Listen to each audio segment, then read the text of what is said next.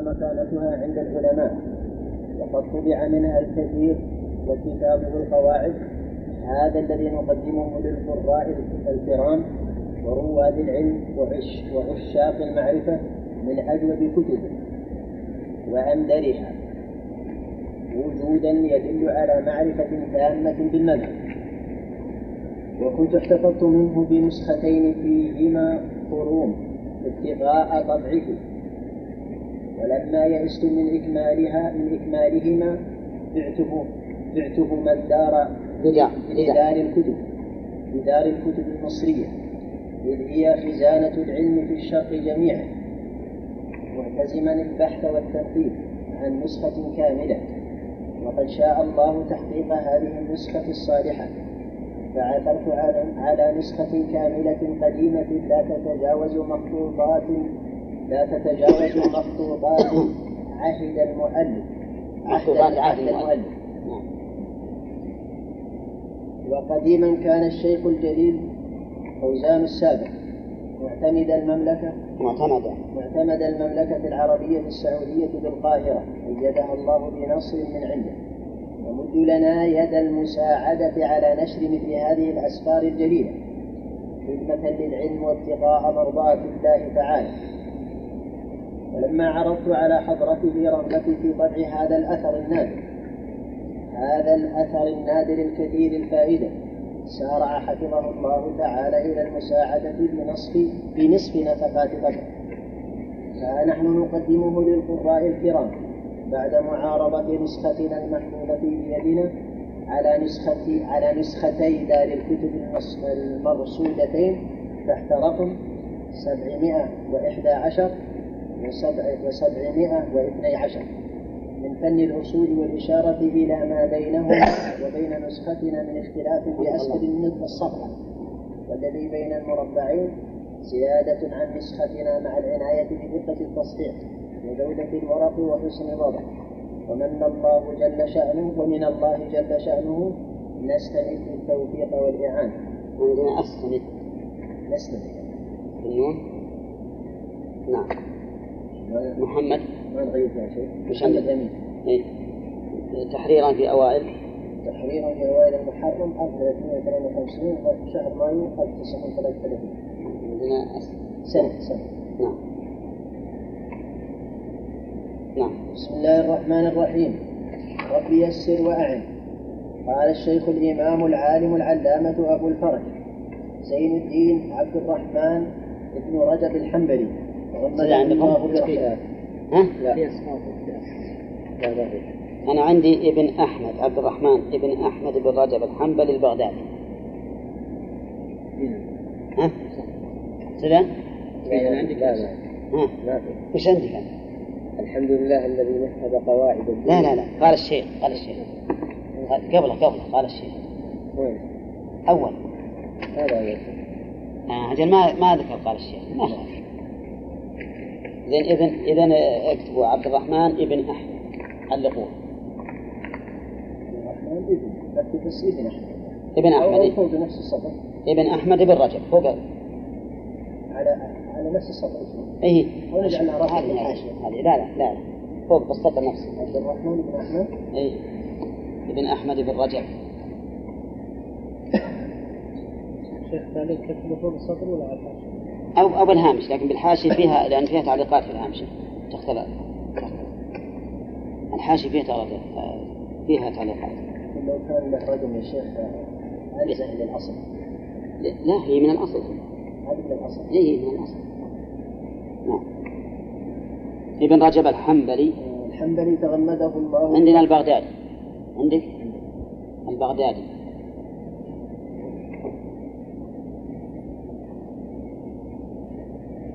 نعم. تغمده الله برحمته واسكنه فسيح جنته. ها؟ عبد الله. اي الله في عمره. لأنه تلميذ هو حي. لا أنا معي نسخة المؤلف. ها؟ يمكن نسخة المؤلف. إيه إيه ما أجل ما يقول قال الشيخ المؤلف. هذا السبب. السبب إنه ما هو راح يقول عن نفسه قال الشيخ فلان فلان نعم. طيب.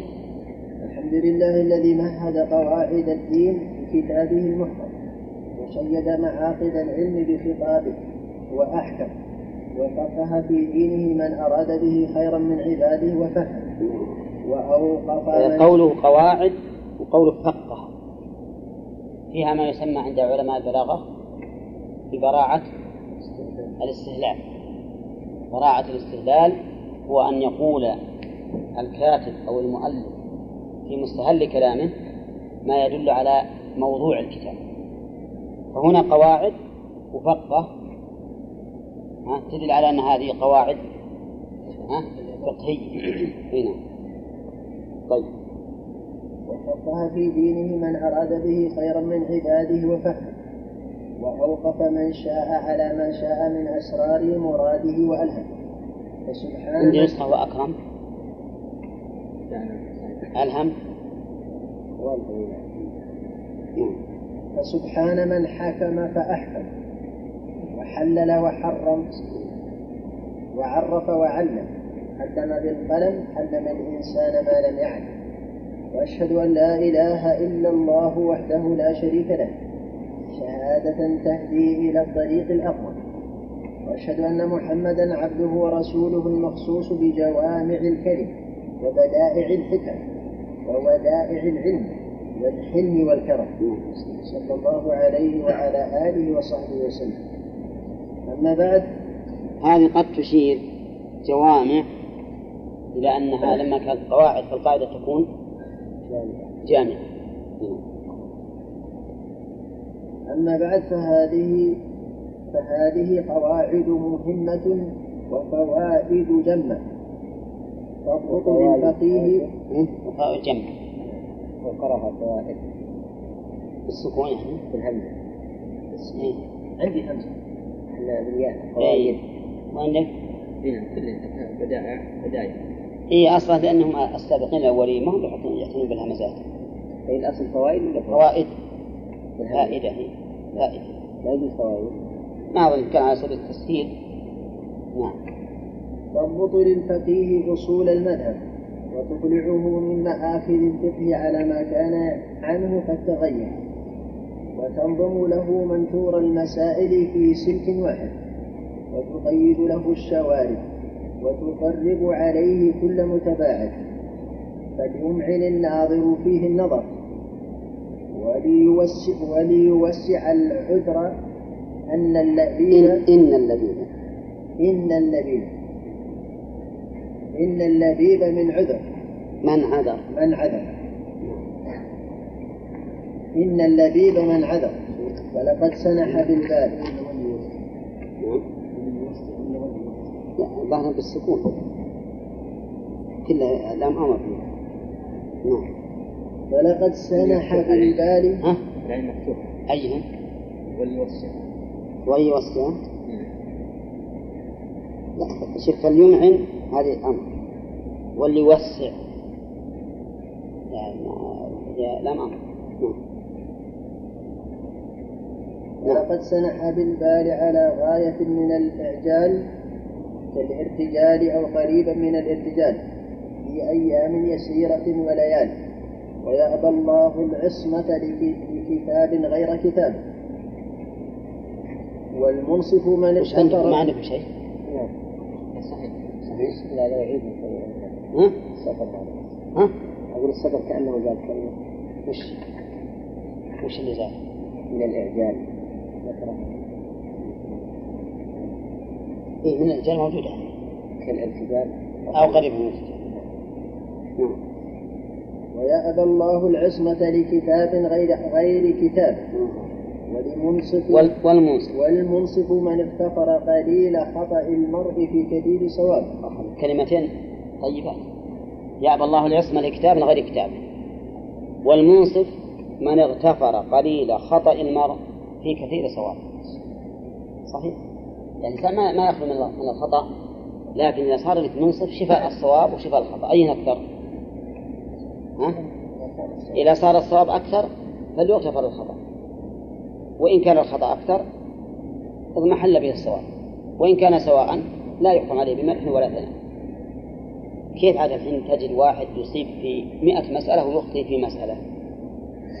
ثم يقال هذا الرجل اللي فيه ما لا فيه ما إلى آخره. المؤلف رحمه الله يقول أنا إن أخطأت فيأبى الله العصمة للكتاب من غير الكتاب. ولكني إن أصبت فأصيب كثيرا والمنصف من اغتفر قليل خطأ المرء. في كثير صوابه؟ نعم. ما في تزكية هذا لا هو ما ما في تسلية هذا اعتذار. لا يقول إن كثير صوابي كثير. نعم. هو حقيقة يعني لو, لو نظرنا إلى الواقع ما في تسلية يعني يقول لا تؤاخذني بالخطأ انظر إلى صوابي واعذرني. يعني ما يجلب الناس إليه؟ إيه يخاف. لا يعني هو أسلوب هذا لكي يجلب الناس أي نعم. ليس على نعم نعم. إيه.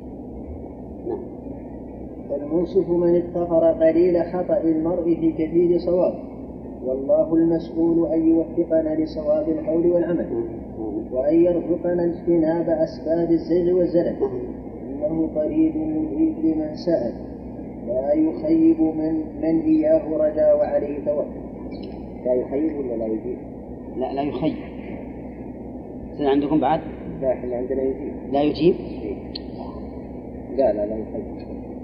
ها لا لا يجيب. لا يجيب. لا يجيب من لا يجيب من إياه. لا لا نعم ها لا لا لا. يمكنها النقطة غلط. نعم القاعدة الأولى. القاعدة الأولى. الماء الجاري هل هو كالراكب أو كل أو كل جرية منه كل جر أو كل جرية منه لها حكم الماء المنفرد. فيه خلاف في المذهب. فيه خلاف في المذهب. ينبني عليه مسائل. أحدها لو وقعت فيه نجاسة. الماء الجاري تعرفونه اللي يجري. ها؟ والماء الراكد. ها؟ الذي لا يجري. راكد على اسم هل هما سواء أو يختلفان؟ يقول المؤلف إن فيهما خلافا في المذهب. وهذه عندي أنها ليست من القواعد ما هي قاعدة هذه؟ لكنها مسألة يتفرع عليها مسائل فهي أشبه ما تكون بالمسائل التي ستأتي إن شاء الله تعالى في آخر الكتاب المسائل الخلافية التي يترتب عليها فوائد كثيرة. نعم. لكن أخذ ناخذ فائدة. نعم. أحدها لو وقعت فيه نجاسة فهل يعتبر مجموعه؟ فهل يعتبر مجموعه؟ فإن كان كثيرا لا. لم مقر على هذا استمع. فإن كان كثيرا لم ينجس بدون تغير وإلا نجس أو تعتبر كل جرية بانفرادها فإن بلغت كلتين لم ينجس وإلا نجس. فيه روايتان. عندنا أو يعتبر. الشيرازي وغيره أو يعتبر كل جرية. أي نعم. إيه، ماشي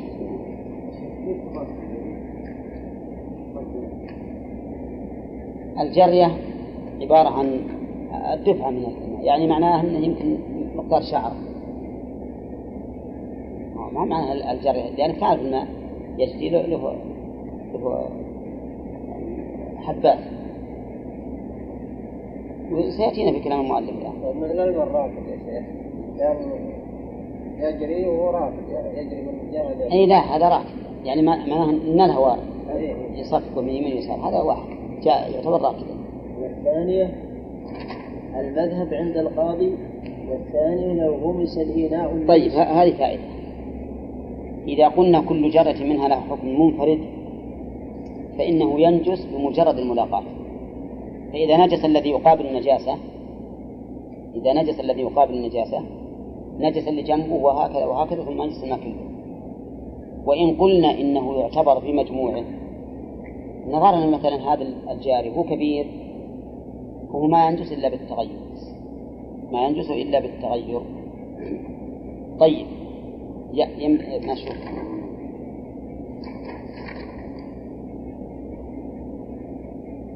ومنها أيضا ما ذكر المؤلف لو سقطت في هذا الماء الجاري بعير بعير ميتة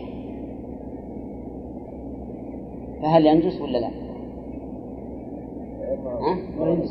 يقولون إن قلنا كل جرية تعتبر منفردا فالذي يحيط بالبعير كبير. يصير يبلغ قلتين فلا ينجس إلا بالتغير. وإذا سقطت فيه شعرة من كلب. نجس. صار نجسا.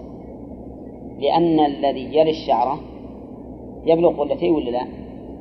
ها؟ ما يبلغ قلتين؟ ينجس بملاقاتها واللي جنبه ينجس بملاقاته واللي جنبه ينجس بملاقاته ف- فيؤدي إلى أن ينجس نهر كبير بشعرة كلب ولا ينجس في في جيفة بعير. ولهذا كان القول الراجح في هذه المسألة أنه يعتبر شيئا واحدا. مع أن الصحيح على على كل تقدير أن الماء لا ينجس إلا بالتغير.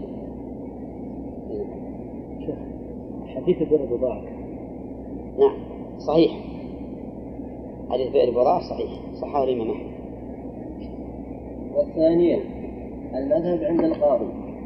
والثانية لو غمس الإناء النجس في ماء جار ومرت عليه سبع جريات فهل ذلك غسلة واحدة أو سبع غسلات؟ على وجهين. حكاهما أبو الحسن بن الغازي تلميذ الآمدي وذكر أن ظاهر كلام الأصحاب أن ذلك غسلة واحدة. وفي شرح المذهب للقاضي أن كلام أحمد يدل عليه. وكذلك لو كان ثوابا ثوبا وكذلك لو كان ثوبا ونحوه. وعصره قريب وعصره قريب كل ها؟ عقيب كل جري عقيبة. عقيب؟ نعم. عقيدة ها؟ عقيدة عقبة عندي عقيب وعندك؟ عندي منسوخ منسوخ نصفها منصوب طيب. إذا نخليها نسخة أنا بخليها نسخة عقبة خليها عقب هذه لا نسخة يعني عقيب وعقب. لا عقيب. أكتب نسخة يا شيخ مثل قبيل. لا من القبيل قبيل. أكتب عقب. أنا- يحطون خاء. خاء كذا فوق عقيب وعلى الهامش. نسخة خاء يعني. على نسخة بدون ما نكتب نسخة ولا شيء. ها؟ بدون ما نكتب. هذا الخاء يعني هذا نسخة. اي حط خاء على على عقيب اللي بالأصل. وعلى الهامش على على حذائها. خاء وتحتها عقيب نعم. والثالث طيب فاهمين ذي؟ أو ما فهمتوها هذا واحد معه إناء نجس. المذهب أنه لابد أن يغسل سبع مرات. له نجاسة غير كلب.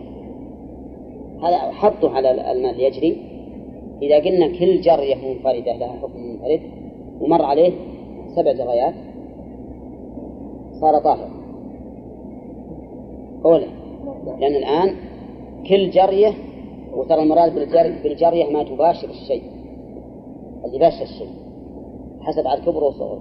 إذا قلنا كل جرية لها حكم منفرد صار إذا مر عليه سبع مرات الماء طهر. وإذا قلنا لا إن الجاري كالراكد فإنه لا بد أن يخرجها من الماء ثم يعيدها ويخرجها ويعيدها حتى تتم سبع مرات. كذلك لو وضع فيه ثوبا نجسا ومر عليه سبع جريات وكل ما مرت جرية صره تجد يطلع الماء. لأنه ما تعد غسله إلا بعد العصر.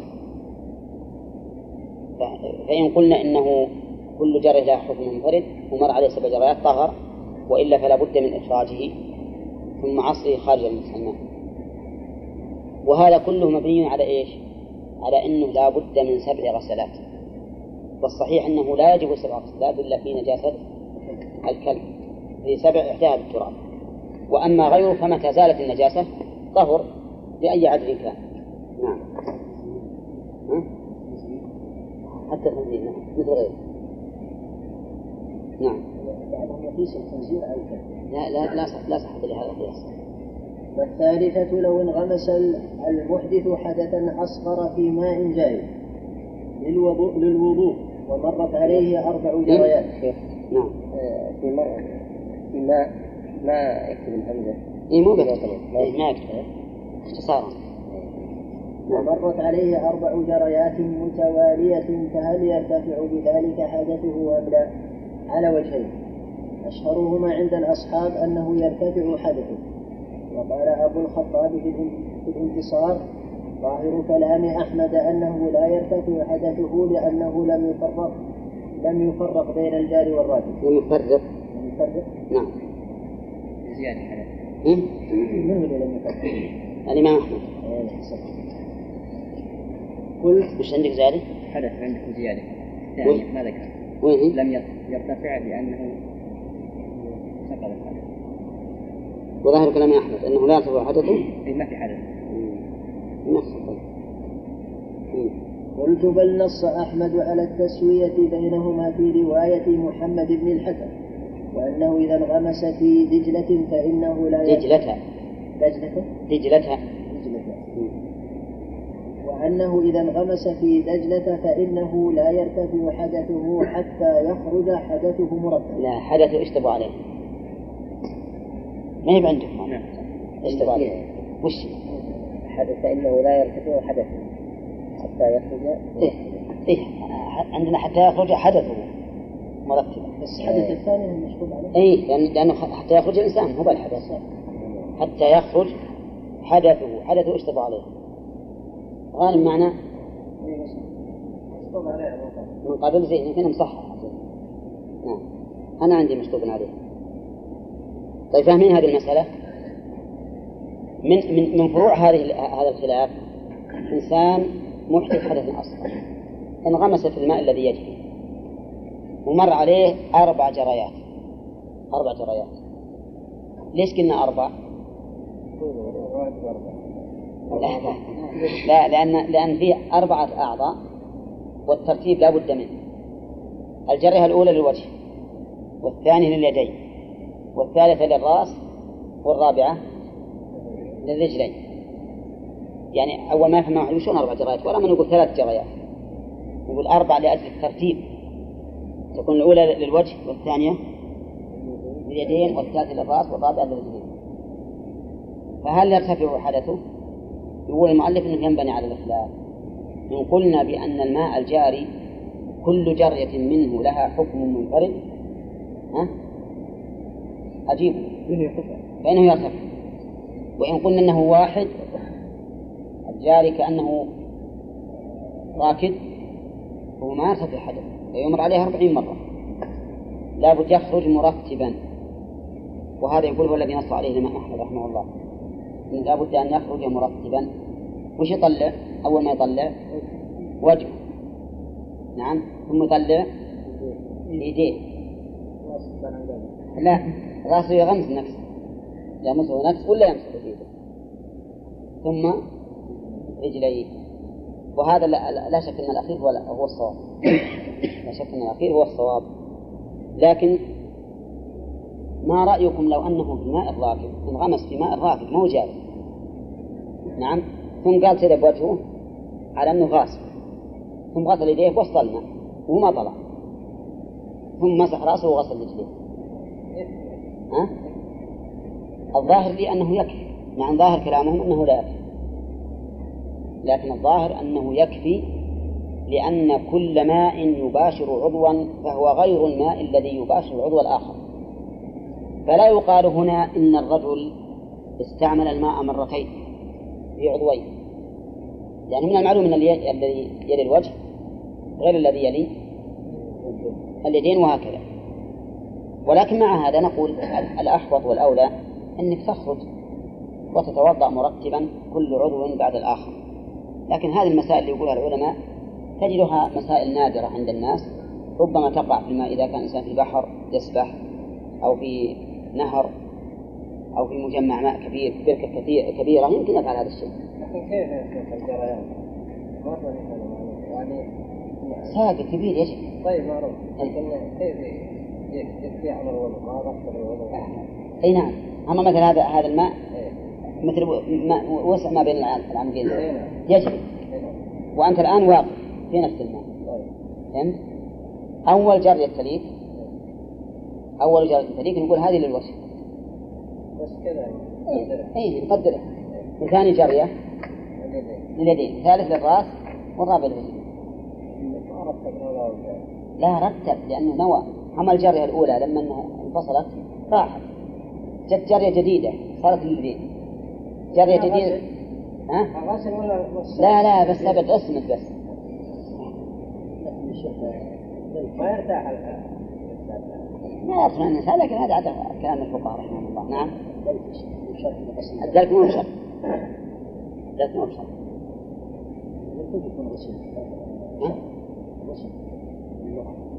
نعم الغسل في اللغة يطلق على مجرد أن الماء يصل إلى المغسول بدون دلك.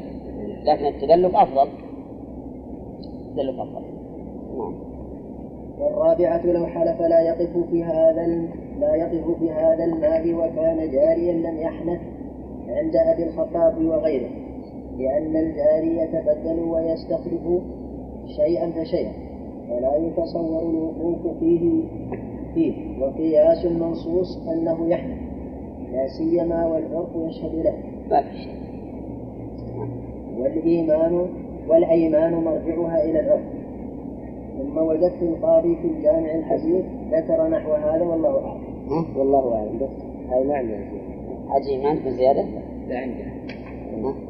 عندك؟ لا. حتى لك خط المؤلف. أي نعم. والأيمان مرجعها إلى العرف. إيه؟ والله بس هنا آه، المعلق. آه معلق ولا ولا انطبع. اي يمكن هذه ثم وجدت. ولهذا المؤلف شفتها ثم وجد كأنه عقب رحمه الله طالعه نعم. ووجدها أنا عندي بالواو. ها؟ بالواو. ووجد لا وجدت بعد واحد. رجع العرف ووجد وجدت القاضي.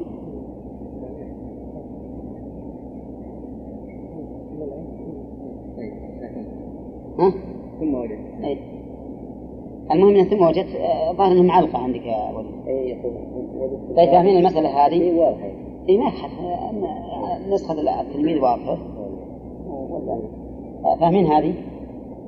قال والله ما أقف في هذا المكان. واحد قال والله ما أقف في هذا المكان. يشير إلى إلى نوع إلى مكان في النهر وهو يجري ثم يجي يطب.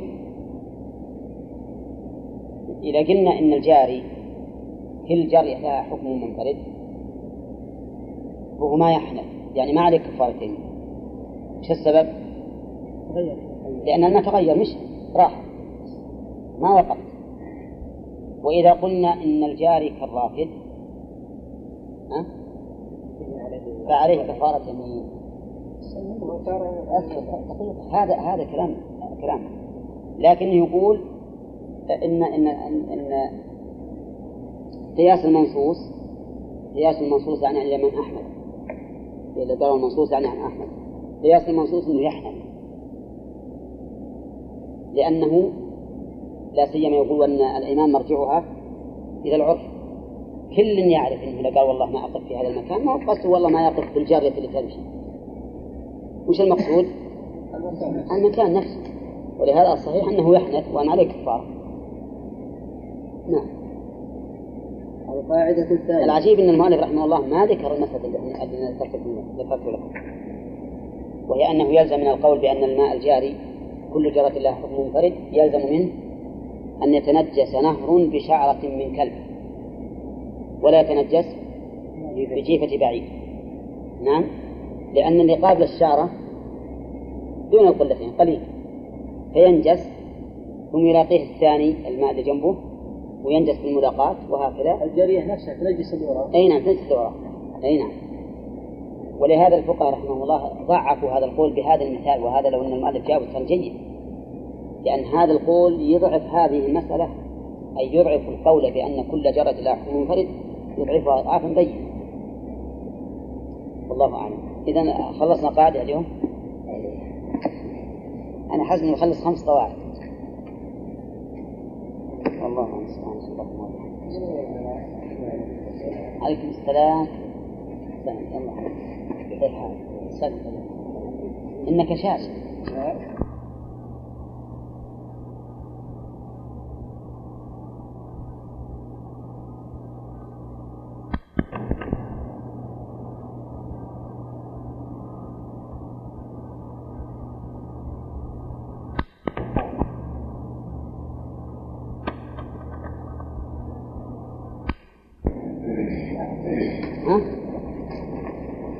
وسألت بعض الإخوان قالوا ما راح المؤلف رحمه الله تعالى القاعدة الثانية شعر الحيوان في حكم منفصل عنه لا في حكم متصل وكذلك الظفر.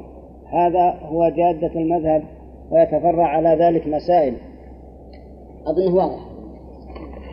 شعر الحيوان في حكم في حكم منفصل وكذلك ظفره. واضح؟ وتفرع عليها مسائل تبينها لنا المسألة الأولى. منها إذا مس شعر المرأة بشهوة لم ينتقض وضوءه وكذلك ظفرها أو مس بظفره أو شعره. أو مسها. أو مسها بظفره أو شعره. إذا مس من كيس ولا هي امرأة من كيس إبراهيم. إذا مس امرأة بشهوة وأنت قلت المرأة لا إذا إذا مس شعر المرأة. قلت إذا مس شعر امرأة. إيه. شعر امرأة؟ نعم. زين. بس. نعم. ولهذه المسألة مأخذ آخر وهو أن هذه هذه الأجزاء ليست في محل الشهوة الأصلية بمحل للشهوة الأصلية وهي شرط لنقض الوضوء عندنا. وهذا المذهب عندنا أن من مس امرأة لشهوة انتقض وضوءه. من مس امرأة لشهوة انتقض وضوءه. والصحيح عدم النقض الصحيح عدم النقض لكن المؤلف يفرع على المذهب لأن هذه قواعد فقهية في مذهب الإمام أحمد. فإذا مس امرأة لشهوة مس ظفره أو مس شعرها لم ينتقض الوضوء وإذا مسها بظفره أو مسها بشعره لم ينتقض الوضوء نعم؟ زين لماذا؟ تعلل بالقاعدة. تقول لأن الشعر في حكم منفصل وكذلك الظفر بين المؤلف مع أخذ آخر وهو أن هذه الأجزاء ليست محلا للشهوة الأصلية. نعم. وهذا التعليل نعم فيه نظر. لأن الشعر قد يكون محل الشهوة. كم من إنسان يأخذ شعر امرأته ويقبله؟ نعم. ويشتهي ذلك. لكن التعليل الأول هو الصحيح. نعم. ومنها أن الشعر لا ينجس بالموت ولا بالانفصال على المذهب وكذا ما طال من الظفر على احتمال فيه ذلك وكذا. ذلك وش عندك؟ وكذلك ما قال إيه، وأنت وش عندك؟ كيف قالوا في لا يجوز ما في لأنه ما هو موجود ما ما نجيب يعني على ابناء القاعدة لا لا شوف أنت هذا كتاب هذا فيه فيه 400 صفحة. أو أكثر. نعم نعم. وأهم شيء عندنا التصحيح لاحظ أن هذه القراءة يعني إن جاء فائدة فهي استطرادية أهم شيء فيها التصحيح. نعم. وكذلك ما يخالف وكذا يصح. نعم. أما على المشهور فإن انفصل من آدمي لم ينجس على الصحيح ومن غيره ينجس. لأنه كانت فيه حياة ثم فارقته حال انفصاله فمنعه الاتصال من التنجيس. فإذا انفصل زال المانع فنجس. لا المذهب المشهور الآن أنه في حكم المنفصل مطلق وأن من فصل من الحيوان لكن بشرط أن يكون طاهرا في الأصل. من فصل من حيوان طاهر فهو طاهر. نعم ومن فصل من حيوان نجس فهو نجس. فشعر الكلاب مثلا نجس لأنه منفصل من حيوان نجس. وشعر الهر وشعر الشاة وما أشبهها طاهر. وشعر الآدمي طاهر. وكذلك الظفر. هنا نعم. ومنها غسله في الجنابة والحدث. فأما الجنابة ففي وجوب غسله وجهان والذي رجحه صاحب المغني وذكر أنه ظاهر كلام الخرقي عدم الوجوب فردا للقاعدة. ومن أوجبه فيقول ما عندنا وأنت؟ موجودة ملحق. لعل المؤلف لما قرأوه عليها الحقها هو نعم. ومن أوجبه فيقول وجب تعبدا. نعم إن كان وصول الماء إلى البشرة لا يمكن بدون غسله وجب لضرورة وجوب إيصال الماء إلى ما تحته. وأما في الحدث الأصغر فلا يجب غسل المسترسل منه على الصحيح.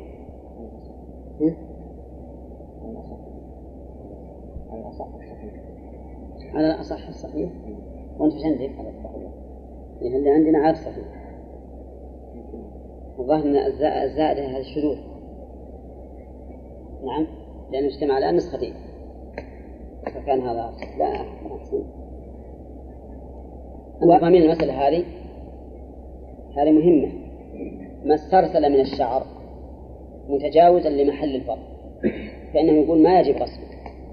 فإذا امرأة مثل لها ظفر نعم مطهور رأسه.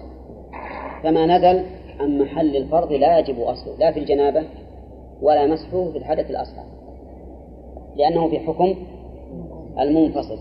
هذا قول. هذا قول بالنسبة للجنابة.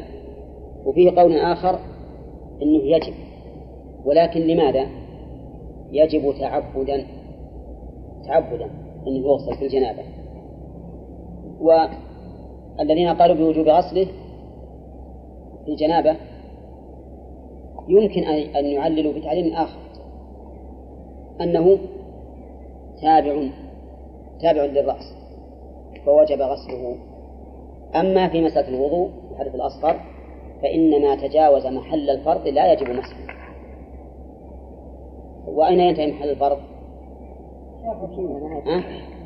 إلى نهاية منابت الشعر فما نزل فإنه لا يجب مسحه وظاهر كلام المؤلف حتى في اللحية ولكنه خلاف المشهور المعروف أن اللحية يجب. يجب غسلها نعم ويعللون ذلك بأن الوجه مأخوذ من المواجهة ومسترسل اللحية تحصل به إيش؟ المواجهة بخلاف الرأس فإن الرأس مأخوذ من الترأس وهو العلو وما استرسل من شعره ليس من ذلك. هنا. نعم. ها؟ لا شك أن الأحوط أنه يصل الشعر. وهو ظاهر المذهب. أنه يجب هذا في الجنابة. أما في في الحدث الأصغر فما استرسل من شعر الرأس لا يجب مسحه نعم. وأما المحاذي لمحل الفرض فيجزئ إمرار الماء على ظاهره إذا كان كثيفا. لأن إيصال الماء إلى الحوائل في الوضوء كاف. وإن لم تكن متصلة بالبدن اتصال اتصال خلقة كالخف والعمامة والجبيرة فالمتصل خلقة أولى.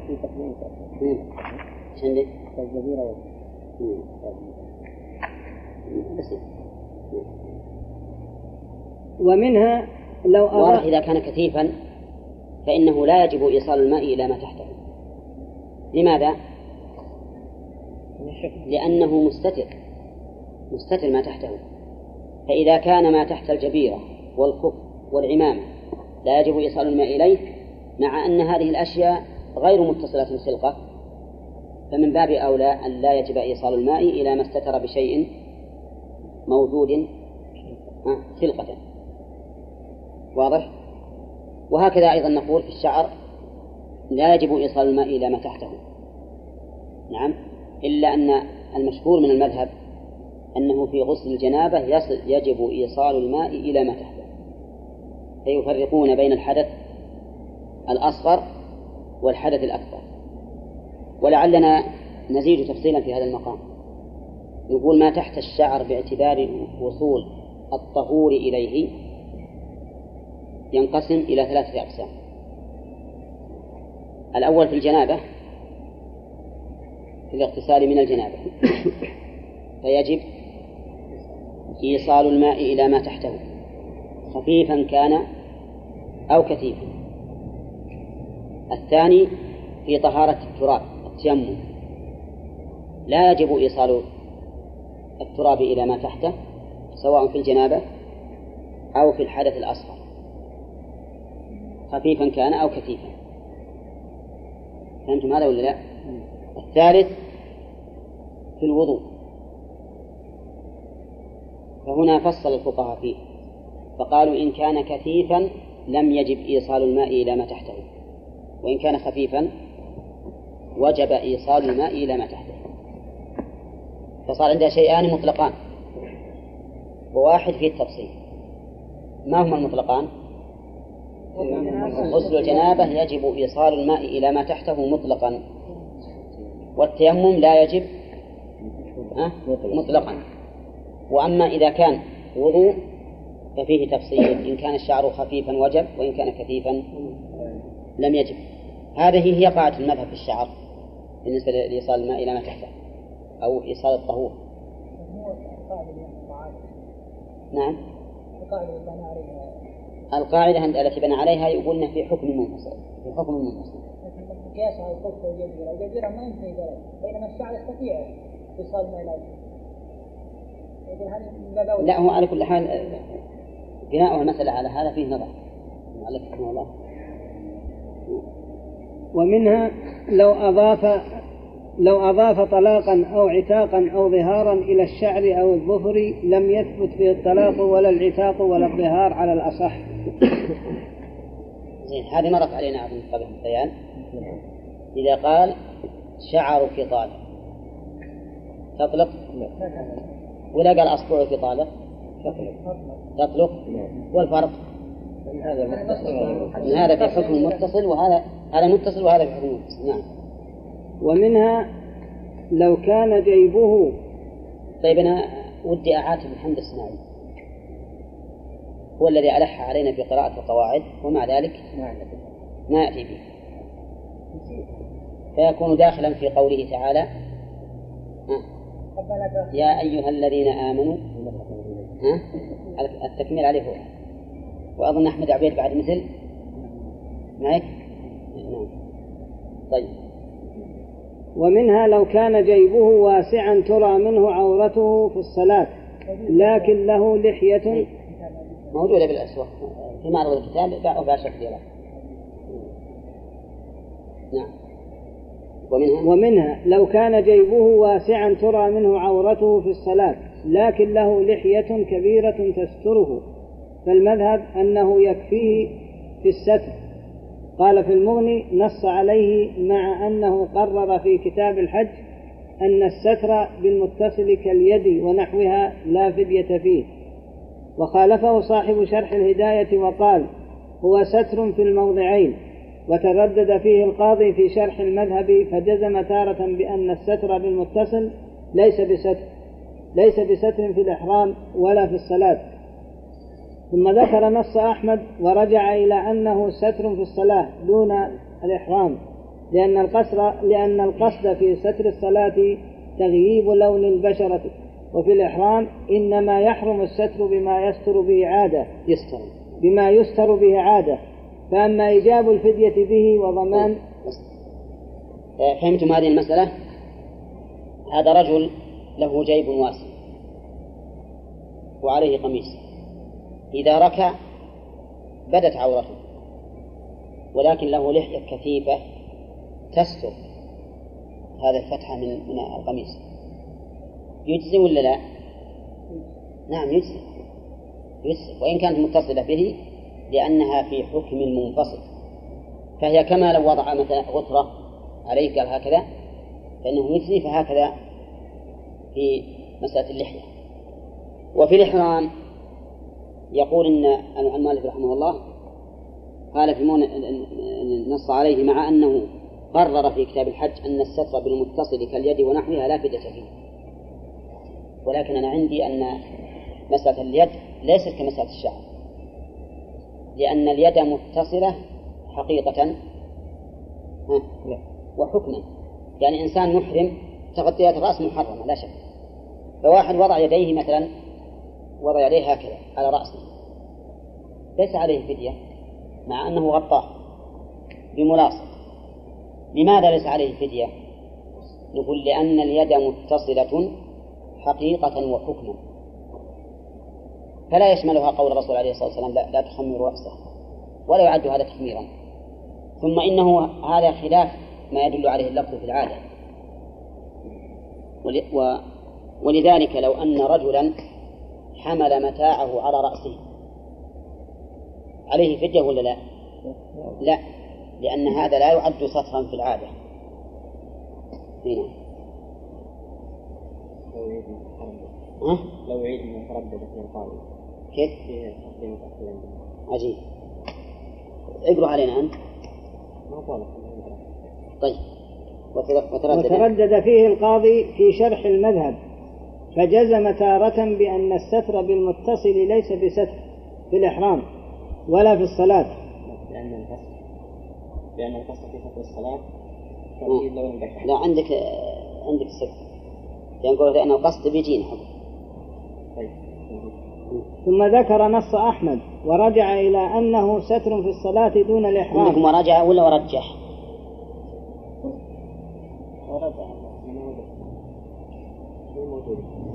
إيه يمكن الصادق عندك يعني. في ستر الصلاة تغييب لون البشرة وفي الإحرام إنما عندك أنا القصد. عندك الحمد صار عندك سكت وفي الإحرام إنما يحرم الستر بما يستر به عادة فأما إيجاب الفدية به وضمانه من الصيد.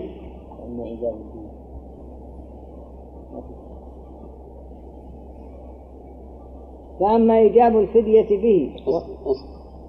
الله عندك صح. إذا صح. لكن مع ذلك تجب الدية به. متى تجب؟ قالوا لو جنى على شخص حتى أذهب لحيته. أذهب لحيته صارت ما تطلع أبدا. وش يجب عليه؟ دية كاملة. دية.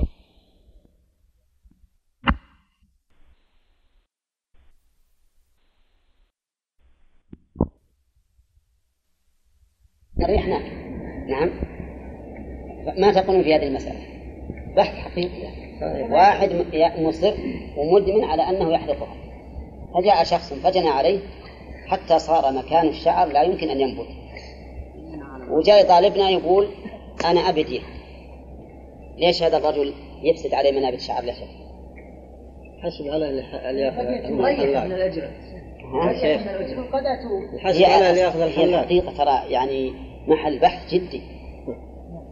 هل نقول لهذا الرجل أنت الآن غير منتفع بهذا الجمال ومصر عليه منذ بدأ يخرج هذا الجمال إلى الآن ما ما, ما تتجمل به. أو نقول نبني على الأصل. ها؟ عن الدية يعني يرجع إلى نظر القاضي. نعم. هذا يعذر وهذا نعم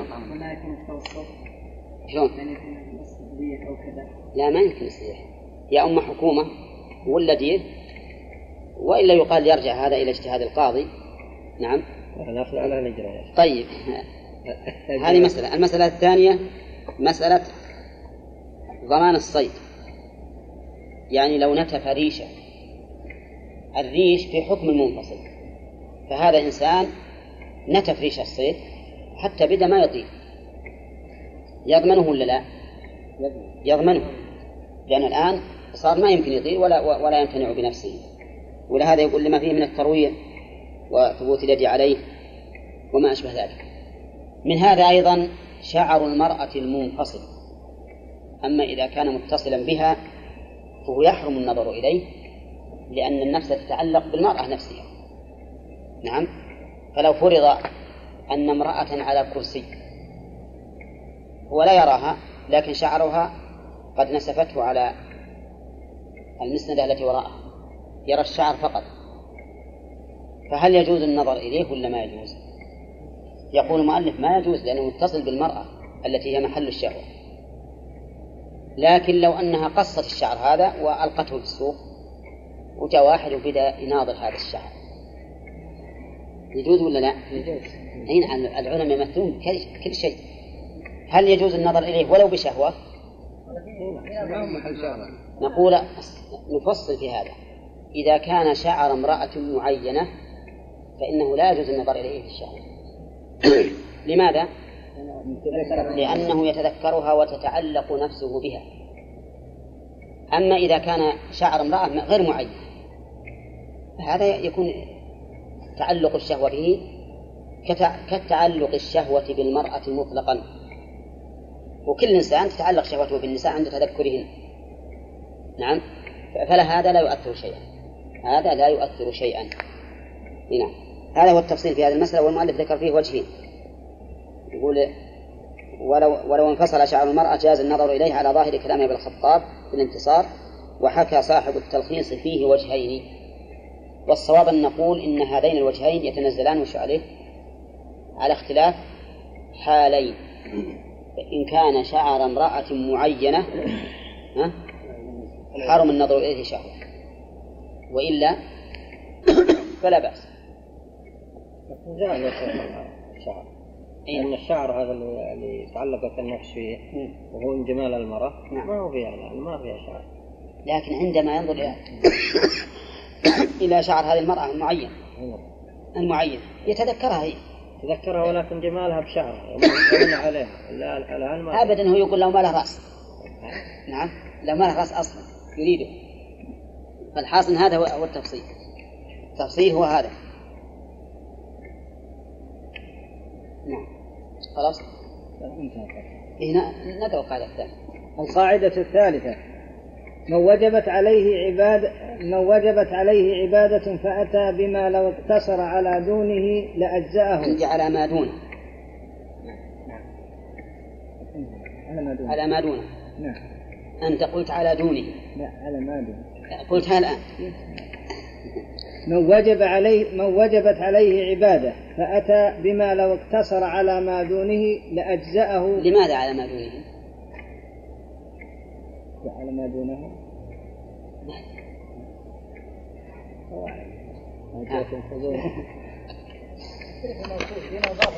ضبط. على ما دونه. نعم. على ما دونه لأجزأه. هل يوصف الكل بالوجوب أو قدر الإجزاء منه؟ إن كانت الزيادة طيب الآن عرفت موضوع القاعدة. وجبت عليه عبادة. فزاد على الواجب. ولو قال المؤلف فزاد على الواجب لكان أوضح وأحسن. ويقول فأتى بما لو اقتصر على ما دونه لأجزى نعم.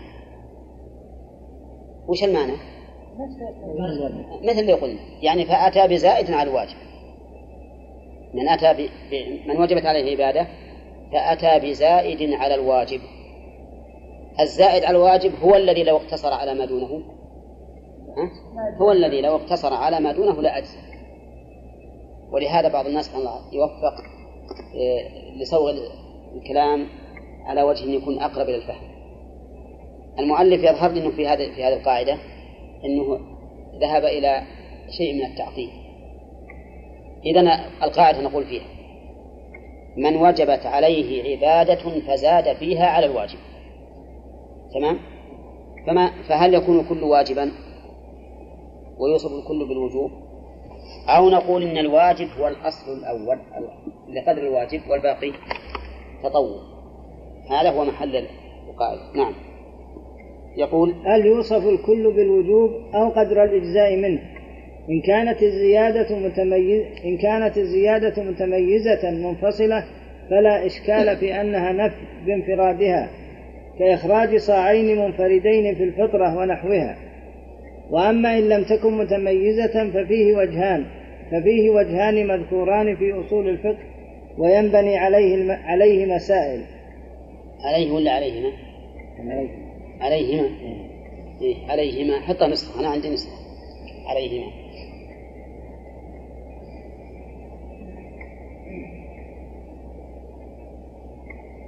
منها الآن المؤلف رحمه الله يقول إذا كانت الزيادة منفردة فلا شك في أنها نفل بانفرادها. مثل إخراج صاعين منفردين في الفطرة. يعني رجل الفطرة الصاع فأخرج عن عن فطرته صاعين. نقول الواجب صاع والصاع الثاني نفل. رجل عليه عتق رقبة فأعتق رقبتين. عما عليه. وش نقول؟ الواجب واحدة والثانية نفل قطع لأنها متميزة. رجل نذر أن يذبح أضحية شاة فذبح عن نذره شاتين. شو يقول؟ ها؟ واجب. واحدة واجبة والثاني نفل. لا إشكال في هذا لأن الزيادة منفردة. نعم. أما إذا لم تكن الزيادة منفردة يقول ففيها وجهان. واعلم أنهم إذا أن الفقهاء الحنابلة إذا قالوا وجهين يعني وجهين عند الأصحاب. وإذا قالوا روايتين يعني عن الإمام أحمد. وإذا قالوا قولين احتمل أن يكون روايتين أو وجهين. وإذا قالوا احتمالين فهما قولان لكن دون الوجهين. نعم. أضعف من الوجهين. فالحاصل أن, أن الآن يقول المؤلف إن فيها وجهين إذا كانت إذا كانت غير منفردة. نعم. القاعدة من جهة. لو ذبح عن بنت مثلا أبقى عنها نعم. هل يكون أعلى لا هذا هذا بدعة. نعم. هذا بدعة لأن المشروع واحد. لكنه زاد عن واجب. نقول زاد عن واجب إذا قصد أنها حقيقة نقول هذا ما هو صحيح يعني وإن قصد التطوع بها. تقيد كيف تقيد؟ ما تقيد. تقيد هذا يخالف الشرع. نعم نقول إذا قصد أنه يريد أن أن البنت لها ش- لا شتي أو أن الفطرة فيها صعيد. فهذا ما لو. لم يرد وفعل يفتح بابا المهم إن هذا هو الأصل. وكل شيء نقول مباح. هو عادي إذا بنى إذا بنى عليه مفسدة يمنع. يعني مثل فترة عشرة أنفار ثلاثة عشر ساعة هو الآن في في في هذه السنين الأخيرة الناس يفعلون هذا. يشتري كيس من الرز وهو يجزم جزم إنه أكثر من اللي عليه. نعم. ويخرجه.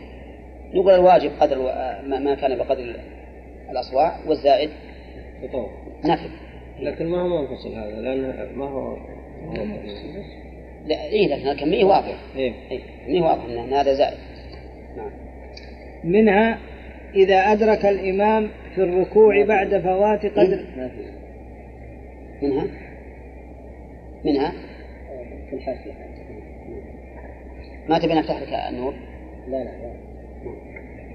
إذا أدرك الإمام في الركوع بعد فوات قدر الإجزاء منه هل يكون مدركا له في الفريضة؟ ظاهر كلام القاضي وابن عقيل تخريجهما على الوجهين. إذا قلنا لا يصح اقتداء المفترض بالمتنفل نعم تخريجها صح. والأخ إبراهيم عنده تخريجها قال ابن عقيل ويحتمل أن تجزي الزيادة أن تجرى أن أن تجري آه، الزيادة مجرى الواجب في باب الاتباع خاصة. خاصة إذا إذ الاتباع قد يسقط قد يسقط الواجب كما في المسبوق ومصلي الجمعة من امرأة وعبد ومسافر. هذه مسألة دقيقة جدا. إذا أدرك الإمام في الركوع بعد فوات قدر الإجزاء منه فهل يعد مدركا؟ أم لا؟ ها؟ وهو قدر الإجزاء. قدر الإجزاء أن الإمام إذا ركع وقال الله أكبر فقدر الإجزاء الطمأنينة.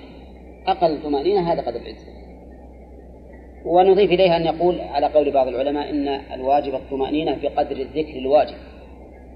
هو أن يطمئن بقدر القول سبحان سبحان رب العظيم. أنا أتيته راكعا بعد أن قال سبحان رب العظيم مو مرة واحدة ثلاث مرات. فأدركته في الركوع وسبحت معه. هل أعد مدركا للركوع؟ نعم. يقول ينبني هذه المسألة على أنني أدركته في ركوع يعتبر نفلا. يعتبر نفلا.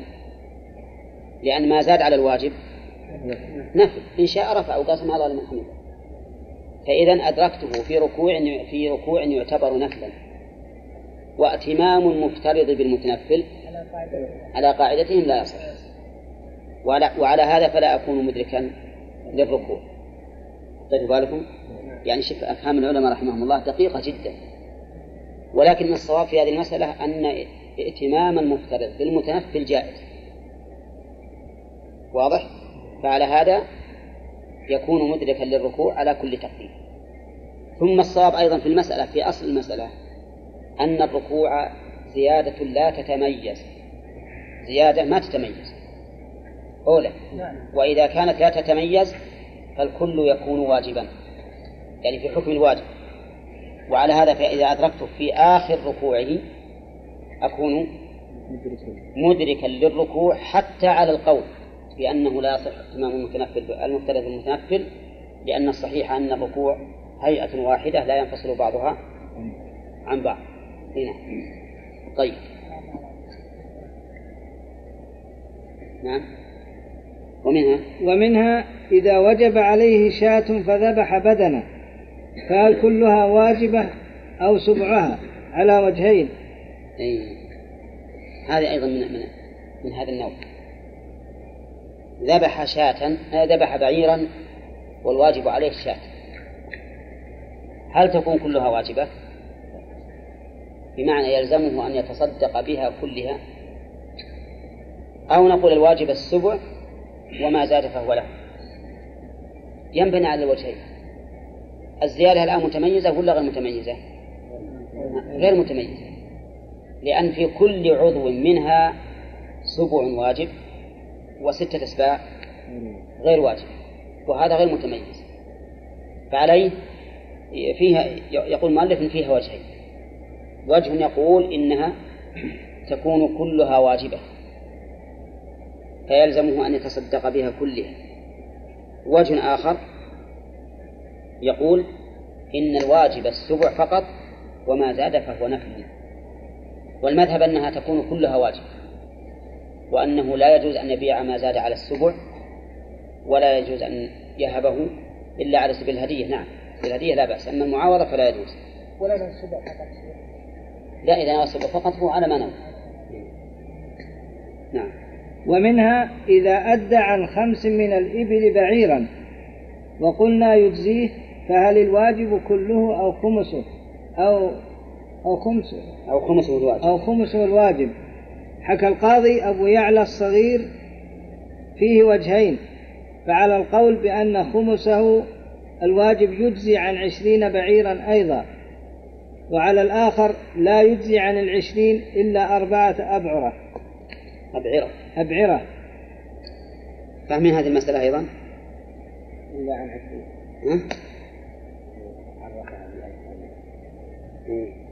لا يجزي عن عشرين إلا أربعة أبعرة هو عرفها بثنتين واحدة. بدون تعريف هذا ما عرفها إذا أدى عن خمس من الإبل بعيرا يجزي عن عشرين. الخمس من الإبل وش فيها؟ شاة. هو أدى بعيرا. البعير كم تجزي عن, من الإبل؟ عن خمسة وعشرين. فالمؤلف يقول إذا أدى عنها بعيرا. وين راح؟ نعم. إذا أدى عن خمس بعيرا وقلنا يجزئه. كلمة وقلنا يجزئه. فيها إشارة إلى أنها لا تجزئ البعير عن خمس من الإبل ولا البعيران عن عشر من الإبل. ولا الثلاثة عن خمس عشر من الإبل ولا الأربعة عن عشرين من الإبل. نعم؟ وهذه المسألة كما قال المؤلف فيها خلاف. فمنهم من يقول الشارع أوجب في كل خمس شاة إلى الخمس والعشرين. فإذا أخرجت بعيرا فقد أخرجت من غير جنس الواجب فلا يجزئك. وهذا التعليل واضح جدا. وقال بعض العلماء بل يجزئ لأن الشارع إنما أوجب فيما دون 25 غنما رفقا. بمن؟ رفقا بالمالك ولهذا في 25 بنت مخاض ما هي بعير كاملة أيضا. كل هذا رفقا بالمالك فإذا أراد المالك أن يزيد نفسه خيرا وأخرج عن الإبل التي دون الخمس والعشرين أخرج عنها من من الإبل فقد رجع إلى الأصل لأن الأصل في المال أن تجب زكاته من جنسه. خولف فيما دون 25 للرفق بالمالك. الأرجح أنها تجزي. الأرجح أنها تجزي لأن الشرع ما يمكن أن يقول الشاة تجزي والبعير ما تجزي. هذا بعيد من الشرع. آله وأصحابه أجمعين. قال المؤلف رحمه الله تعالى منها إذا أدرك الإمام في الركوع بعد فوات قدر الإجزاء. قرينا هذا. وهو كله دفعة واحدة وقلنا الفرض منه قدر طيب ماذا قلنا في القاعدة اللي بني عليها المسائل؟ وش القاعدة؟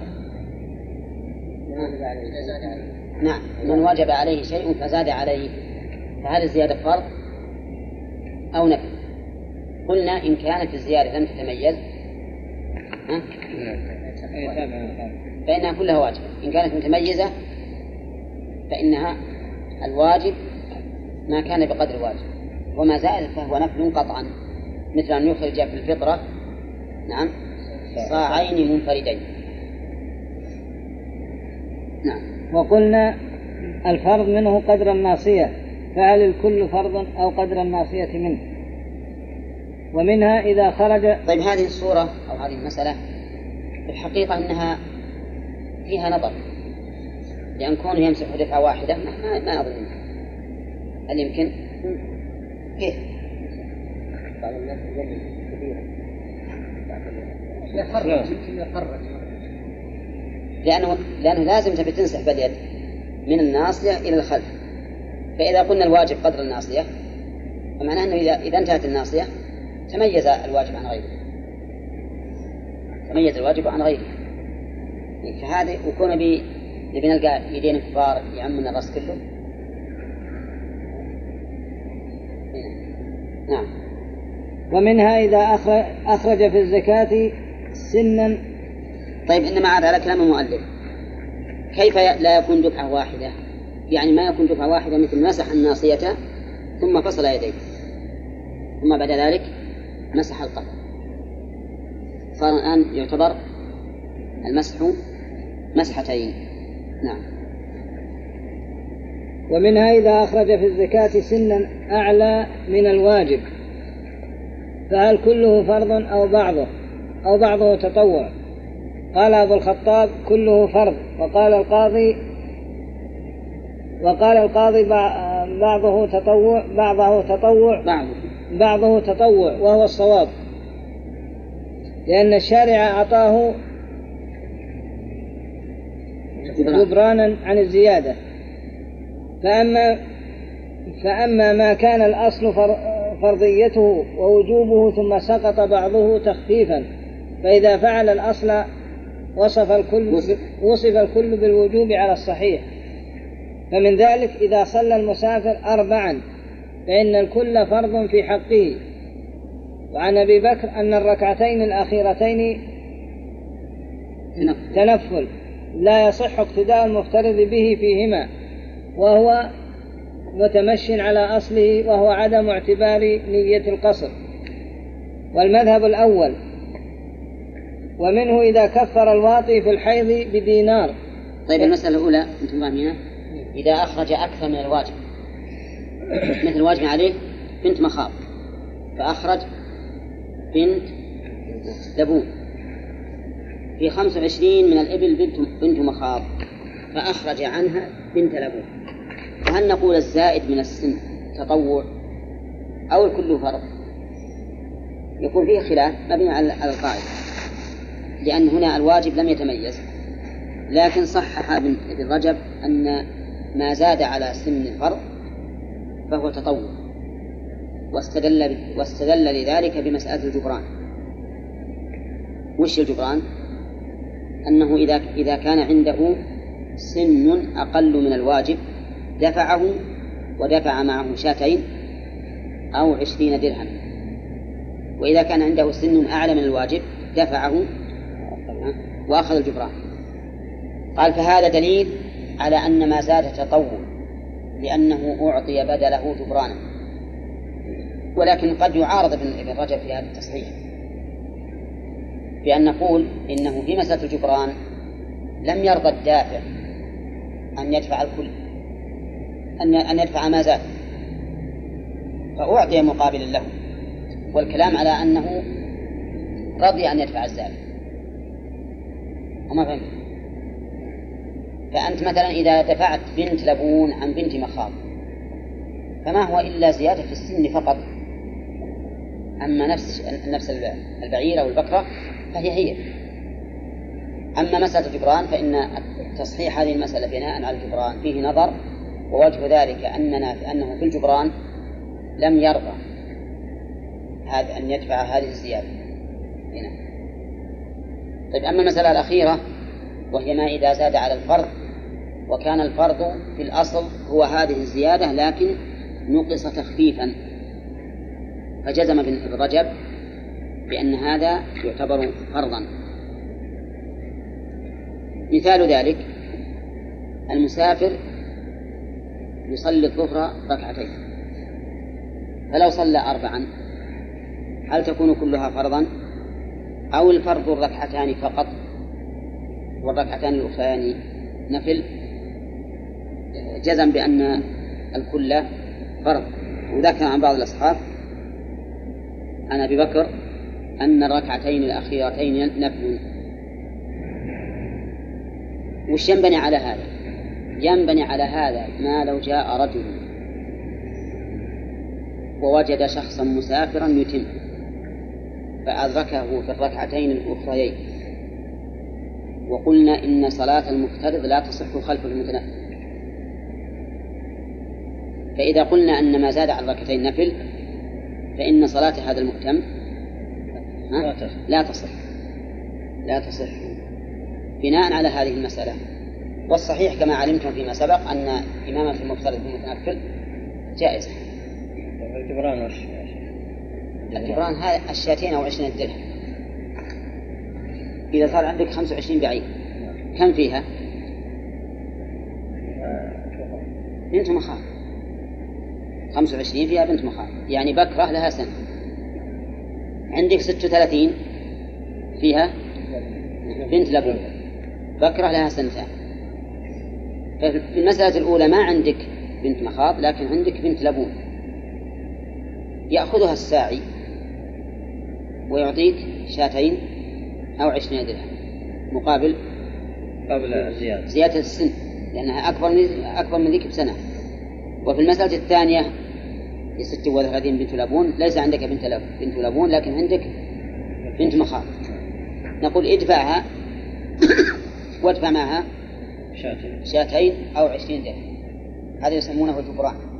يعني جبران ما نقص من السن.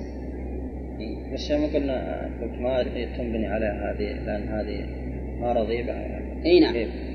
ابن ابن ابن رجب رحمه الله لما ذكر الخلاف هل نقول إذا أخرج بنت لبون عن بنت مخاض إن الواجب ما يقابل بنت المخاض نعم. وإن الزائد نفل. ذكر الخلاف وقال الصواب إن الزائد نفل. واستدل لذلك بأن الدافع يأخذ جبرانه فقلت أنا إن الترجيح بناء على هذا فيه نظر. لأنه لأنه في مسألة الجبران ما رضي الدافع إلا أن يدفع المقدار الواجب فقط. ولهذا أخذ الجبران. أما فيما إذا تبرع وقال بدفع بنت لبون عن بنت مخاض. فهنا نقول النفل هنا الزائد عن الواجب. هل هل هو متميز ولا غير متميز؟ غير مثل غير متميز. فينبغي أن يكون كله واجبا. ينبغي أن يكون كله واجبا. كما قلنا في مسألة الركوع إذا امتد وزاد عن قدر الواجب فهي كالسجود. نعم. نعم. تقريبا يعني قريبا منه. يعني دفع ما نقص أو رد ما زاد. كان المسافر نعم. كيف جعل البكرة ركعتين ثلاثين إي نعم لأن لأن الواجب على المسافر ركعتان. ما سلم. ما فرض الصلاة. اي ما انقض لك- هذه هذه زيادة ما تتميز. هذه زيادة لأنه لو سلم ما صح أن يقال إنه أتم. لو سلم من ركعتين صار قاصر ولا غير متم. لكن لو زاد في الفريضة نعم. هل يصح بأن الزيادة زاد في الفريضة. إذا زاد متعمدا بطلت الفريضة. نفسه لا هم ما يرون موجب القصر. هؤلاء الوضوء إيه ما يرون موجب القصر. نعم. ومنه إذا كفر الواطي في الحيض بدينار وقال آه، فإن فإن فإن الكل واجب وإن كان له الاقتصار على نصفه ذكره في المغني. ويتخرج فيه وجه من قول أبي بكر. فأما إن غسل رأسه بدلا عن مسحه وقلنا بالإجزاء ففي السائل منه وجهان. أحدهما أنه مستعمل في رفع حدث لأن الأصل هو الغسل. وإنما سقط تخفيفا. والثاني وهو الصحيح أنه طهور لأن الغسل مكروه فلا يكون واجبا. وقد يقال والإ- والإتمام في السفر مكروه أيضا. نعم. وهو الصحيح أنه طهور وجها واحد لأن الغسل مم. وجها واحدا. عندك وجه واحدا؟ لا. والثاني هو الصحيح أنه طهور. الصحيح وهو الصحيح. أنه طهور. وجها واحدا لأن الغسل نضيف؟ إيه، نضيف نحط نسخة مثلا أن الإنسان إذا أتى بالواجب وزاد عليه فله حالان. الحالة الأولى أن تكون الزيادة متميزة والثانية أن تكون غير متميزة. فإن كانت متميزة فالزائدة نفل بلا شك. مثل ها أن يخرج في الفطرة صاعين منفردين. فهنا يقال الواجب هو الأول والثاني نفل ولا يمكن أن يكون واجبا. ونقف عند هذه النقطة. هل يشرع للإنسان أن يخرج في الفطرة صاعين؟ لا غير مشروع. لكن هذا للتمثيل ويكون الصاع لا يخرج باسم الفطرة يخرج على أنه تطوع لأن الشيء المحدد شرعا تكون الزيادة عليه باعتباره مشروعا لهذا لهذا بعينه يعتبر من البدعة. كما لو أراد الإنسان أن يزيد في أن يزيد في أذكار الصلوات 33 قال بخلي 35 نقول له إذا كنت تريد بهذا الزائد أن يكون مما شرع دبر الصلاة فهذا بدعة لا تؤجر عليه. أما إن أردت أن يكون ذلك على سبيل التطوع المطلق فلا حرج عليه لكن مع هذا لا ينبغي لك أن تقرنه بالذكر المشروع أمام الناس لئلا يظنوا أنه مشروع. فصار المهم خلاصة القاعدة اللي عندنا الآن أنه أن من زاد على ما يجب عليه في العبادة فإن كانت الزيادة منفردة فهي نفل بلا إشكال. وإن لم تكن منفردة فهل تكون فهل يكون الكل واجبا؟ أو الواجب هو مقدار الواجب وما زاد فهو نفل؟ ذكر المؤلف في ذلك قولين للأصحاب. واستثنى من ذلك ما إذا كانت ما إذا كان الأصل الزيادة ولكنه نقص تخفيفا على الإنسان المكلف فإنه إذا أتى بالأصل يكون الكل واجبا وكأنه يريد أن يكون ذلك وجها واحدا ولكن مع هذا ذكر خلاف. نعم. طيب البعير البعير والبعير أيضا. إذا إذا أخرج مثلا عن شاة إذا إذا ضحى إذا كان عليه واجب هدي. فذبح بعيرا فهل كله واجب أم لا؟ الصحيح أن كله واجب. كله واجب. نعم إلا إذا نوى أن الواجب سبعه فقط فهو على نيته نعم. القاعدة الرابعة العبادات كلها سواء. نعم. العبادات العبادات كلها سواء كانت بدنية أو مالية أو مركبة منهما لا يجوز تقديمهما على سبب وجوب تقديمها. تقديمها على سبب وجوبها ويجوز تق... افتحها ويجوز تقديمها بعد سبب الوجوب. نعم. وقبل الوجوب أو قبل شرط الوجوب ويتفرع على ذلك مسائل كثيرة. منها الطهارة سبب وجوبها الحدث. ها؟ وين؟ عندك غير عبد الرحمن؟ مساكن ما يخالف. منها؟ منها الطهارة سبب وجوبها الحدث وشرط الوجوب فعل العبادة المشترط لها الطهور. فيجوز الطهور ولا الطهارة؟ الطهارة. فيجوز تقديمها على العبادة ولو بالزمن الطويل بعد الحدث. طيب هذه القاعدة معناها العبادات لها أسباب ولها شروط. فهل يجوز أن تقدم على أسبابها؟ الجواب لا. لا يجوز أن تقدم العبادة على سببها لأن السبب هو الموجب ولهذا قلنا في تعريف السبب هو الذي يلزم من وجوده الوجود ومن عدمه العدم فتقديم العبادة قبل وجود سببها لا يصح منها لو صلى الصلاة قبل الوقت يجوز ها؟ ليش؟ إلى العذر؟ لا ما إلا العذر لا ولا العذر إلا إذا كان من باب الجمع. جمع لا بأس. طيب لو قدم الزكاة قبل أن يتم النصاب. ما يجوز. قبل أن يتم النصاب ما يجوز. والسبب؟ لأن سبب وجوب الزكاة ملك النصاب. فإذا قدمها قبل أن يتم ما صح. مثل إنسان عنده الآن 190 درهم. عنده 190 درهما. فقال أبخرج الزكاة 200 درهم لأنه هو النصاب 200 درهم. نقول له ما يجوز لأن هذا قبل سبب الوجوب. كذا؟ طيب. لكن تقديم العبادة قبل شرط الوجوب. قبل شرط الوجوب. يجوز ولا لا؟ يجوز. مثل يشترط لصحة الصلاة الوضوء. إذا لا يجب الوضوء إلا عند إرادة الصلاة. فلو قدم الوضوء قبل أن يريد الصلاة يصح ولا ما يصح؟ يصح والسبب؟ لأنه قدمه قبل شرط الوجوب بعد وجود السبب وهو الحدث. سبب وجوب الوضوء الحدث وهو أحدث الآن. أحدث الآن الضحى ويتوضأ للظهر. يقول ما في مانع. لأن هذا تقديم للشيء على شرط وجوبه لا على سبب وجوبه. طيب رجل أخرج كفارة اليمين قبل أن يحلف. قال أنا بحلف إني ما أكلم فلان. أبى حلف إني ما أكلم فلان. ولكن أبى أطلع الكفارة علشان إذا حلفت إذا قد كفرت. ما يصح. ها؟ ما يصح. ما يصح نعم.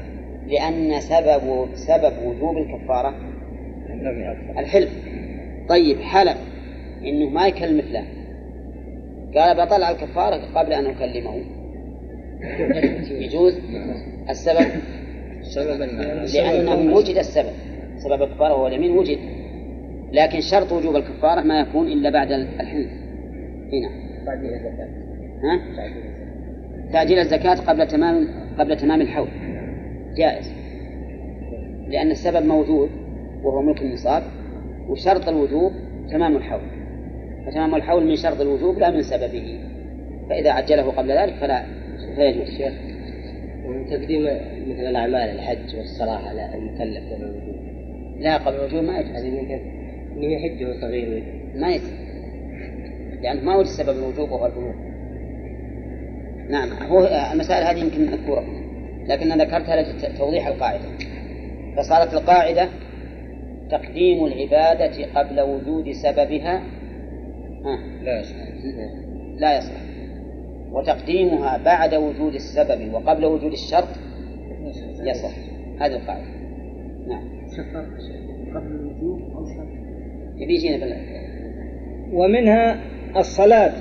فيجوز تقديم صلاة العصر إلى وقت الظهر والعشاء إلى وقت المغرب لأن الشارع جعل الزوال سببا سببا لوجوب الصلاتين عند العذر دون عدمه. ولهذا لو دون عدمه. عندي نسخة غيري. وانت عندك؟ وليد؟ إيه ولا عدم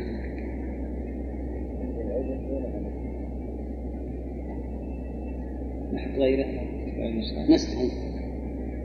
وانت عندك إيش؟ دون عدم. من عدمه. أقول نسخة تلميذ المؤلف معتمدة ها؟ أقول مو المعتمد نسخة المؤلف إلا. لكن يمكن المؤلف ها؟ هذه بعد نسخة هذه نسخة تلميذ المؤلف مقارنة عن المؤلف. قد يزيد منه في بيان عليه. على كل حال خط إحنا اعطينا نسخة موجودة عندنا دون عدمه هذا الأصل. مو نميز بين النسخ اللي نكتبها نكتب نسخة مين يعني مؤلف ونسخة تاء يعني تلميذه لا ما ما لازم نعم.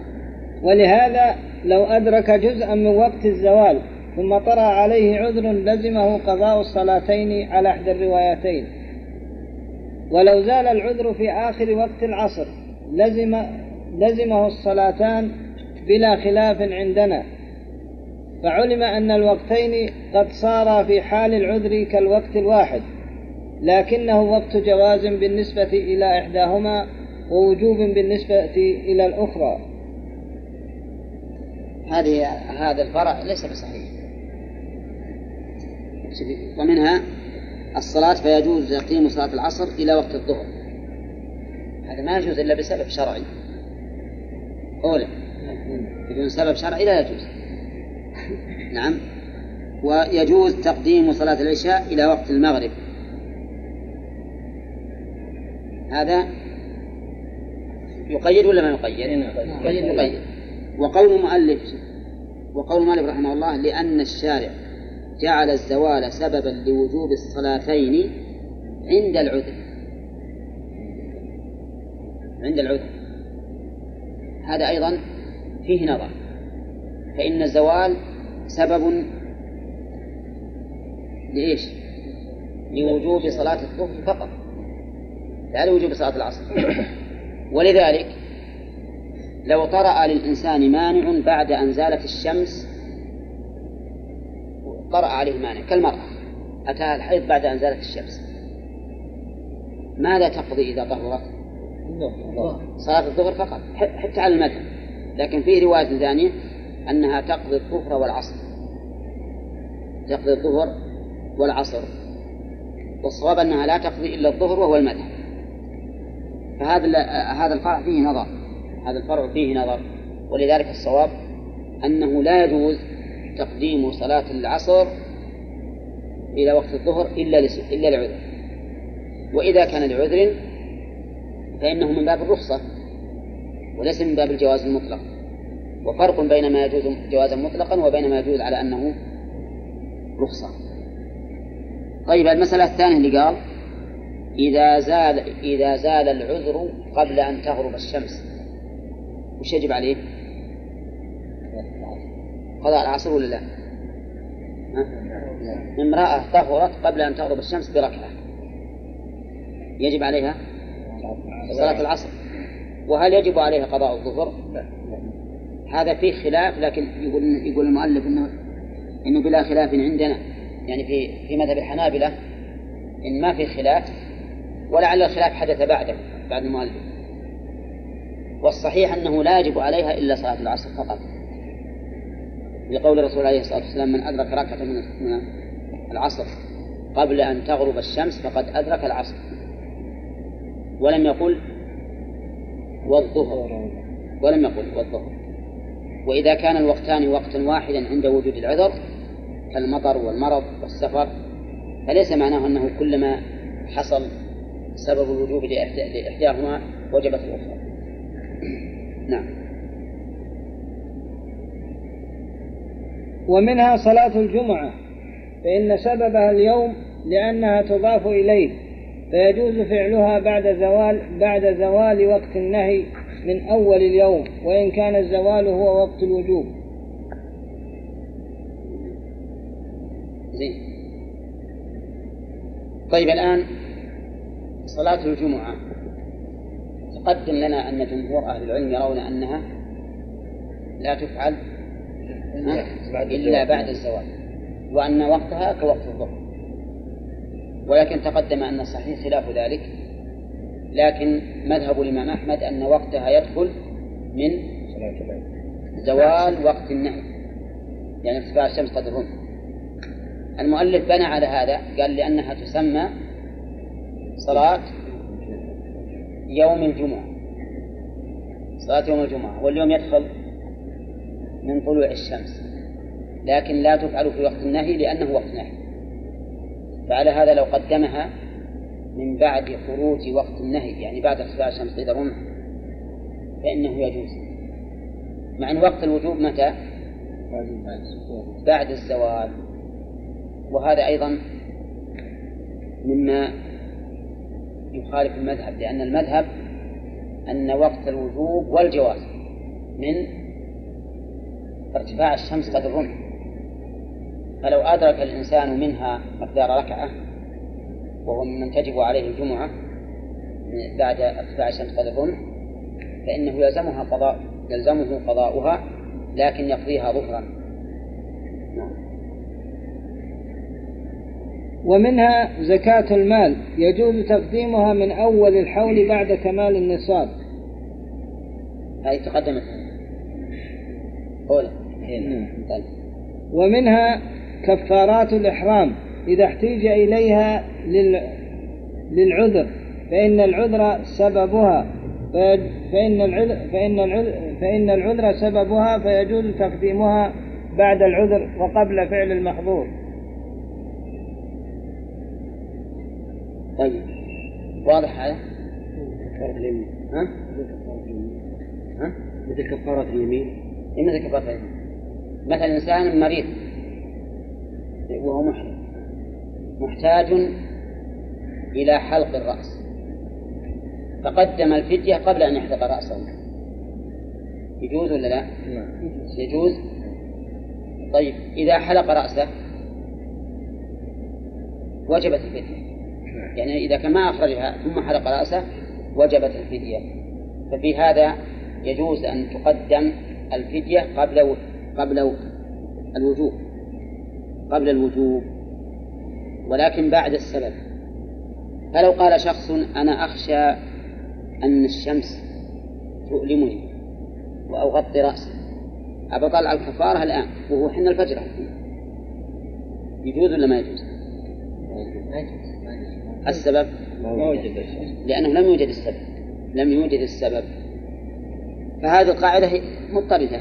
على أنه إذا وجد سبب وجوب العبادة فقدمها بعد وجود السبب فهي صحيحة. وإن لم تجب أو وإن لم يوجد شرط الوجوب. وأما آه، إذا لم يوجد السبب فلا تصح. مثال الذي ذكرته. الشمس السبب سيوجد يعني. لو أخرجها في الصباح. سيوجد. سيوجد يعني. أي. لأنه مثلا قد يتهيأ له في هذا المكان ولا يتهيأ له مثلا في مكان آخر. يعني إيه. مثلا قد يكون في عرفة ما فيه مكان للبيع. نعم. يضطر في الصباح يعني نعم. من من أنه يشتريها من هنا.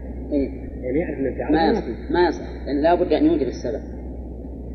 إذا وجد السبب ووجدت المشقة التي تبيح له أن يغطي رأسه حينئذ يجوز أن يقدم الفدية وإن لم يغطي الرأس. لأن عندنا الآن ثلاث ثلاث مراحل. المرحلة الأولى أن يخاف الوجود ولم يوجد.